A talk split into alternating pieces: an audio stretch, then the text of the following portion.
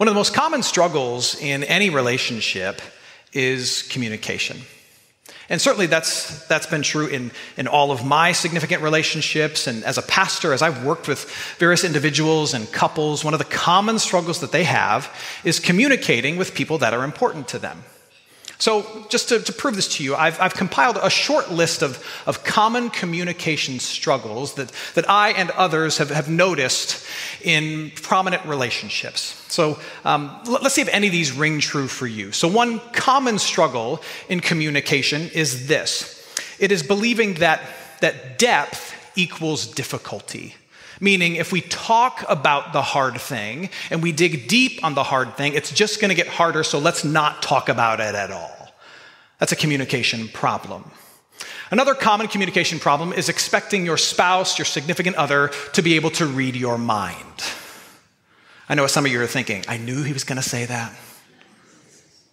Another common communication issue is trying to win when communicating. Rather than trying to understand the other person, you're trying to prove that you are right. And as I often say to couples that, that I'll work with as a pastor, is if you walk away from an interaction with your spouse saying to yourself, I won, both of you have lost. Another common communication issue is in the act of communicating, you get defensive and you become overbearing and you stop listening altogether.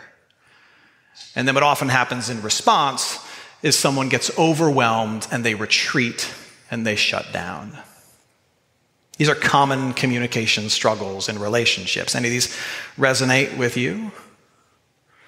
And yet, what I've found in my own life and in working with others is that no matter what the other issue is in your relationship, if you can figure out the communication piece, many of the other issues can either fall in place or fall away. In important relationships, communication is key. The same is true in, in the Christian faith. I mean, after all, what we believe is that we have a relationship with God the Father through Jesus Christ the Son, empowered by the Holy Spirit. But it is a relationship. And very often, one of the common struggles in that relationship is a communication problem. And in this relationship, like all important relationships, communication is key. Which is why we're going to start a series where we are walking through the Lord's Prayer. Jesus' disciples walked up to him at one point and they asked him, Lord, teach us how to pray, which is a common ask of disciples to their rabbi. Each rabbi, it seemed, had a signature take or teaching on prayer, and it was typical for them to, to give their disciples a, um, a unique understanding of prayer and even some explicit prayers to offer that, that kind of served as a signifier for their group, for those disciples and that rabbi. And so Jesus' disciples said, Hey, Jesus, teach us to pray like other rabbis teach their people to pray. And undoubtedly, they, they expected Jesus to give them some long, kind of rambling, in depth teaching on prayer. But what Jesus ends up doing is saying, Don't be a hypocrite, pray, pray like this. And he gives them a prayer that is no doubt profound, but at its heart, very simple. So simple that a, that a four year old could memorize it. Our goal in studying this prayer over the next few weeks is twofold. Number one, of course, to learn a little more about what it means to actually pray. But number two, and perhaps more importantly, to have a greater appreciation of the one who is inviting us into conversation. Now, before I, I, dive into the heart of the teaching, I just have to say this that all of this that we're about to talk about this morning and in subsequent weeks will really be for naught if you don't actually, you know, pray. And so that's my challenge to you. Whether you pray a lot or you pray a little, some of you are like, I don't pray at all. And some of you are like, I pray every moment of every day. And most of us, like 99% of us, are right in the middle somewhere. Wherever you are on the spectrum of no prayer to constant prayer, my, my encouragement to you is that throughout the next few weeks, you would make a commitment to just take wherever you're at and up it just a little bit. Take some of the things that we talk about and try to put them into practice. And, and, and I, I encourage you to do that because I know it'll be beneficial for you. So as we talk about prayer, don't just walk out of here going, huh, that was interesting. What's for lunch? Maybe try to do some of it. Let's start with why we pray. The other day, just last week actually, I was having a conversation with someone in my extended family, and what she said to me was this You know, Matt, of course I'm a believer, I'm a Christian, but I have serious doubts about whether or not it's worthwhile to pray. And you could have picked my jaw up off the floor. But she said, I'm, I'm not sure it matters if we pray. After all, God knows everything, so I don't need to tell him anything. And number two, if God is good, then isn't he just going to do what he thinks is best anyway, regardless of whether or not I say anything to him? And those are, those are not uncommon objections or questions to prayer. But my response is this here's why we pray. Two reasons why we pray. Number one, and again, this is going to be like probably painfully obvious, but needs to be said. We pray because God invites us to pray. I, I hate to lay out the because God said so card so early in this sermon, but I, I really can't avoid it. We pray because God invites us to pray.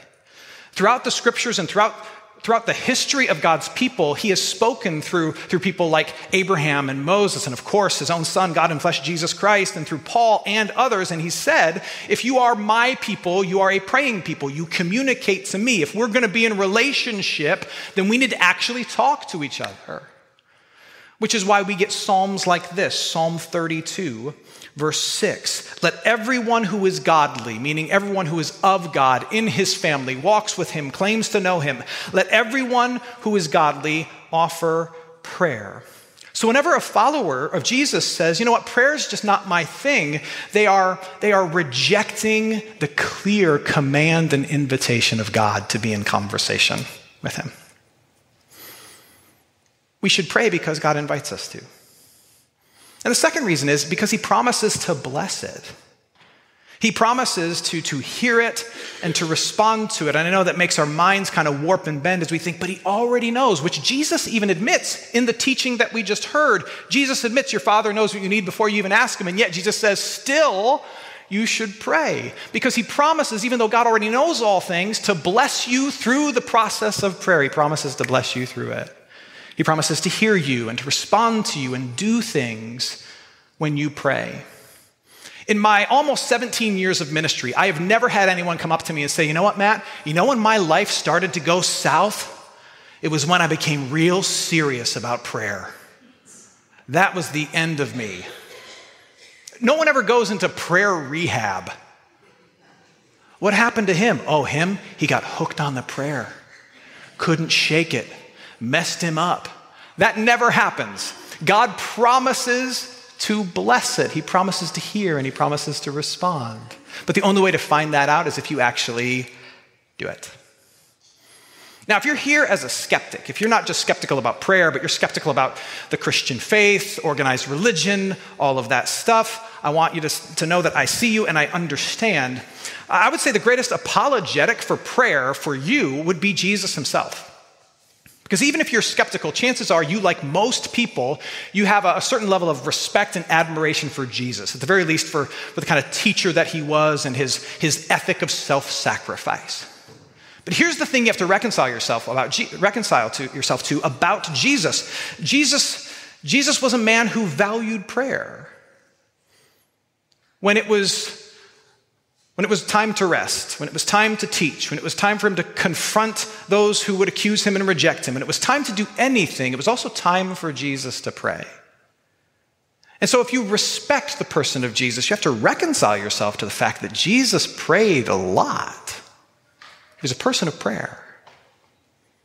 Now, Jesus gets into the kind of the meat of his teaching on prayer, and he teaches us in this first section, he teaches us three things who we address when we pray, where this person is located, and what, among many other things, we should be praying for. So let's, let's start at the beginning, shall we? Matthew chapter 6, verse 9, Jesus says this This then is how you should pray. Jesus is being explicit. This is how you should pray. Our Father in heaven, hallowed be your name. Jesus begins by teaching us how to address God. And he could have said a lot of things. He could have said, When you pray, pray like this Dear sky God that I cannot see, Almighty maker of all things, big, bad, and awesome, El Jefe. He could have said any of those things, and it would have technically been true. But what does Jesus say? He says, When you pray, pray like this Our Father. Now, that tells us a lot. Among the many things that it tells us, it tells us God's attitude toward us. It tells us that God has a gracious and accepting attitude towards us. There's only one person in the scriptures who gets to call God Father. And it's not Abraham, it's not, it's not Moses, it's not David, it's not the Apostle Paul, despite all his church planting credit. It's not any of those people. The only person who calls God the Father is who? It's Jesus. He's the only one. And, and prior to this, no one that we've known, no, no one that we can see has done that. And yet, what does Jesus do? Jesus says, I'm going to introduce something new. We're going to call God Father, and I'm going to invite you to call him what I call him. You know, Jesus had a unique, to say the least, relationship to the Father. You know, Jesus is God in flesh, yet mysteriously also God's own Son, begotten before all time, as the Creed just told us. He has this special relationship where he gets to say to God, You are my Father, but then he invites us to do the same. If you're with me, you call him that too. Now, just think for a moment about who is in Jesus' circle in the original context. Yes, the disciples, who are um, uh, an interesting mix of humans, to say the least, but also he has former prostitutes, he has, he has corrupt politicians, he has skeptics, and he says to this whole crowd, this whole community, if you are with me, then you're part of the family, and you get to call God our Father. And that implies that this, this God has an attitude of grace and acceptance for you. But it also tells us how God not only feels about us, but, but how he sees us. I mean, if, he, if God invites us through Jesus to see him as Father, then that means he sees you and me as his children. He sees us as his children. There are only two people on the planet who get to call me father. Anybody else calls me dad, and it's weird. There are only two people on the planet who get to call me father. Not too long ago, um, I asked my wife if, if there could maybe be three people in this world who could call me father. Maybe we could have another one. And her response, without blinking, was, Yeah, with who? I was like, uh, With you? No? Okay. Major family decision just announced to me. All right, good. When, when my kids call me dad, when they call me father, it hits my heart different. When your kid calls you mom and they call you dad, it hits your heart different. You, you know exactly who's calling out to you, and, and you know exactly the level of importance it should have. It's right at the top. And you know that on your best day, you're going to try to respond a certain way. You're going to try and respond attentively and patiently and calmly and do the best possible thing for them in light of their request that you can as their parent because they're your child. They call you dad, they call you mom. You know that your heart is theirs and that you're going to respond in a certain way. And what Jesus is saying is when you call out to the Father, you have his heart too. And he responds in a certain way, with a certain level of priority, with a desire to bless you and to answer you, to do what's best for you in light of all of his wisdom. That's God's attitude toward you. Jesus says, when you pray, call him our Father. He has a heart of grace and mercy towards you, a heart of acceptance toward you. You are his child. That's what it means. One of the things I love about this teaching is that it takes all of the excuses that we bring to prayer off the table. For example, one of the, one of the reasons people will say that they, they, they don't pray is because, you know, I'm, I'm a messed up person, I've made a lot of mistakes. Who am I to have God listen to them? Well, if Jesus' teaching is true, you're a member of his family. Of course, he's going to listen to you. Or you might say, well, I, I feel like a fool when I pray because I kind of ramble, I kind of just say whatever comes to my mind. I'm easily distracted. I can't really pray because I don't know what to say. I feel foolish when I talk to God. Have you ever heard any kid ask their parent for anything? It all sounds foolish. A, four year old telling their parent what they want for lunch sounds crazy. That's who we are to the Father. But it is no less important just because it might sound kind of silly. Remember, you're the child. Now, I want to recognize that some people have baggage and hurt around the notion of parents. There are some people who don't pray or maybe even don't come to church because they've got issues with the whole notion of God as a parent, of God as father. And maybe you grew up in a house where dad was distant or dad was absent or dad was always irri- irritated or easily angered. And so you just kind of walked on eggshells around him. And so the notion of saying, when you pray, say, Our Father, just hit you the wrong way. And you're like, No, thanks. I want none of that. I grew up with that. No, thank you. And what you need to remember is that Jesus is attempting to paint a very different picture than, than what you grew up with and what you know, although I want to recognize what you know. That Jesus is painting a picture of a, a patient dad, a present dad, a calm dad, a non anxious, unirritable, happy dad who, when he hears your voice, doesn't say, What? but just says, Come here. What do you need, bud? That's the picture that Jesus is painting. And so know that when you call out to the Father, you have his heart and he pays attention. So Jesus tells us who we are addressing. We are addressing our Father, but he also tells us where this God is. And he says that we talk to our Father who is where? In heaven. Now, I I put heaven in Google Maps and just hit enter on Thursday. And what I found is that heaven is located over on Shepherd Drive. And it is a, it is a seafood place that has over 145 star reviews. Apparently, God lives at a restaurant that is described as having a decently priced shrimp po' boy. Actually, Jesus tells us that we pray to our Father who is in heaven to get us away from the notion that God is located in one particular spot. He, he tells us that God is in heaven because he wants us to understand that God is around us at all times and accessible at all times. You see, that the Hebrew notion of heaven is not that it's some far off, distant place that we can't see, uh, but the heavens were this unseen reality that is surrounding us at all times. It is above us, it is below us, it's next to us, it's in front of us, it's behind us. And what Jesus is saying is when, when you pray to our Father in heaven, what we're saying is we are recognizing that God is our Father and he's everywhere, all all around us, accessible at all times. At all times. Very easily, our understanding of God gets caught up in particular people in particular places. So we think that we have to have a particular person say prayers for us. Well, we'll get Pastor Matt to pray it, then God will hear it. It has extra sauce on it. That's not true. I mean, I'm, I'm glad to pray for you, but it, like, your prayers work just as well.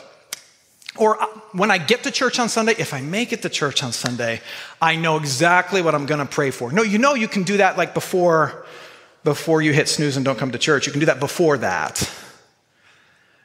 If God is in heaven, he's, he's all around us at all times. His proximity is always near to us. What that means is that every space can become sacred space. You call upon your Father, and He's already there. He is near you at all times. And so every space can be made sacred. That's what he's saying. And oh my goodness, if people of faith just understood what this meant, if all of us were insistent on taking Jesus up on this invitation to make every space that we're in something that can be sacred, recognizing the presence of God where he's able to interact and intervene and take over simply by calling upon his name.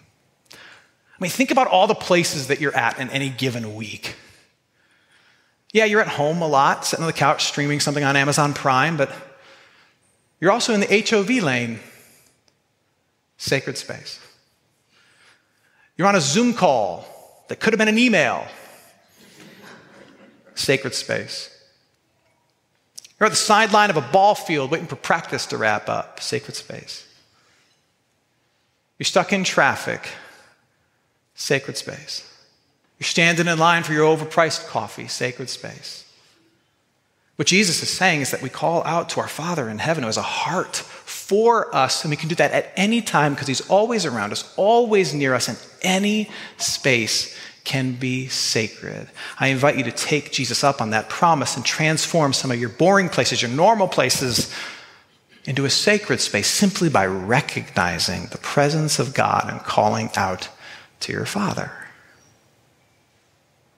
Now, Now that Jesus has told us who we're addressing and kind of where he's located, Jesus begins to tell us the types of things we pray for. And Jesus tells us that, that one of the things we pray for is for God's name to be hallowed. Let's read it one more time. This is what Jesus says. He says, Our Father in heaven, hallowed be your name. Hallow is not a word that we use much these days. Uh, many of us think it simply means to recognize something as holy. Uh, but, but it means a little bit more than that. It, it actually means to give something the respect that it is due because it is holy. It is to respect and recognize and admire something for the holiness that it possesses, for the holy thing that it is. And so, what Jesus is saying is, you should pray, among other things, that God gets the recognition, respect, and the praise that he is due. We, we live in a world that though God is everywhere, he is overlooked, ignored, and often treated in an offensive way. Rather than honor God's presence and recognize it, we domesticate it and we trivialize it and we try to get it to serve our purposes. Sure, we'll call upon the name of the Lord or recognize God, but we'll do it to make our politics sound more potent or our anger sound more righteous. I grew up in a home, a wonderful home, but one of the things that I mistakenly thought in my home was that God hated power tools. Because according to my dad, he was always damning them. Or that Jesus' middle initial was H. Because that's always what we said. Rather than recognize God's presence, we we domesticate it. But what Jesus is saying is one of your prayers should be that God gets the respect and the praise that He's due because you're better off when you recognize just how amazing God is. Imagine for a moment that someone of incredible renown walked into this room. I'm not talking about someone who's just you know, popular in a pop culture sense, but someone whose, whose work and life and legacy is profound, like the late Nelson Mandela or, or, or a former president, or you know, the person we're all fanboying about, Zelensky, walked into the room right now. But we all just ignored him. Like we saw them, we knew who they were, but then we just completely ignored them. This person who is, is worthy of, at the very least, a handshake and a thank you and a, an appreciation that they're here with us in our presence. They get none of that from us. We just ignore them. Something inside of you would say, oh, this is not right. This person deserves some kind of recognition for being in our midst. Also, we're missing out if we don't recognize who is here with us. Why are we not saying anything about it? That's what Jesus is getting at when he talks about hallowing the name of the Father. It's about recognizing who is in the heavens all around you, with you every day, who loves you like a righteous and good Father. Recognize that he's there. You're better off when you recognize the incredible person who is in your presence, not because he's an egomaniac and he needs it, but because you are blessed and benefited by recognizing and respecting the God who loves you. If you don't know how to start praying, start here. Just recognize that God is real and that He's near and give Him thanks. Thank you for being so powerful that you gave me a life. Yeah, filled with some things I wouldn't have chosen, but also filled with some things I would never, ever, ever want to go without. Thank you. Thank you for, from what I'm told, forgiving every single sin I've ever committed through Jesus, because there are some doozies in there. Thank you for being willing to hear my prayer, even though I don't know what to say or how to say it. Thank you. If you don't know where to begin with prayer, begin by hallowing God's name, just recognizing He's there and saying thank you for His characteristics. That's how it starts. Our Father in heaven, hallowed be your name. May the world give you the respect that you deserve. And may it begin with me. May it begin with me. You know, this, this prayer teaches us some beautiful things. It teaches us about the God who invites us to be in conversation with Him. It also teaches us what prayer is. It teaches us that prayer is prayer is an opportunity for us to call out to a Father who has brought us into his family through Jesus Christ and whose heart is always for us and kind to us. Prayer is an act of faith where we take normal spaces and we turn them into sacred spaces, recognizing God's presence. And prayer is an opportunity for us to give God the, the praise and the recognition that he so often is robbed of in this world. If you're here and, and you're skeptical about the Christian faith, or in, in particular about prayer, or maybe about the person of Jesus, I, I want to I want to recognize that, and I realize that there's often baggage attached with that, and I don't want to minimize it. But what I'll say is this as is the case in most every important relationship, communication is key. And I recognize that you have some issues with him. But what I'm saying to you is this if you can, if you can wrap your mind around the communication piece, all of the other things that you think are so big will either fall into place or fall away. Because in the end, communication is the most important part of the relationship.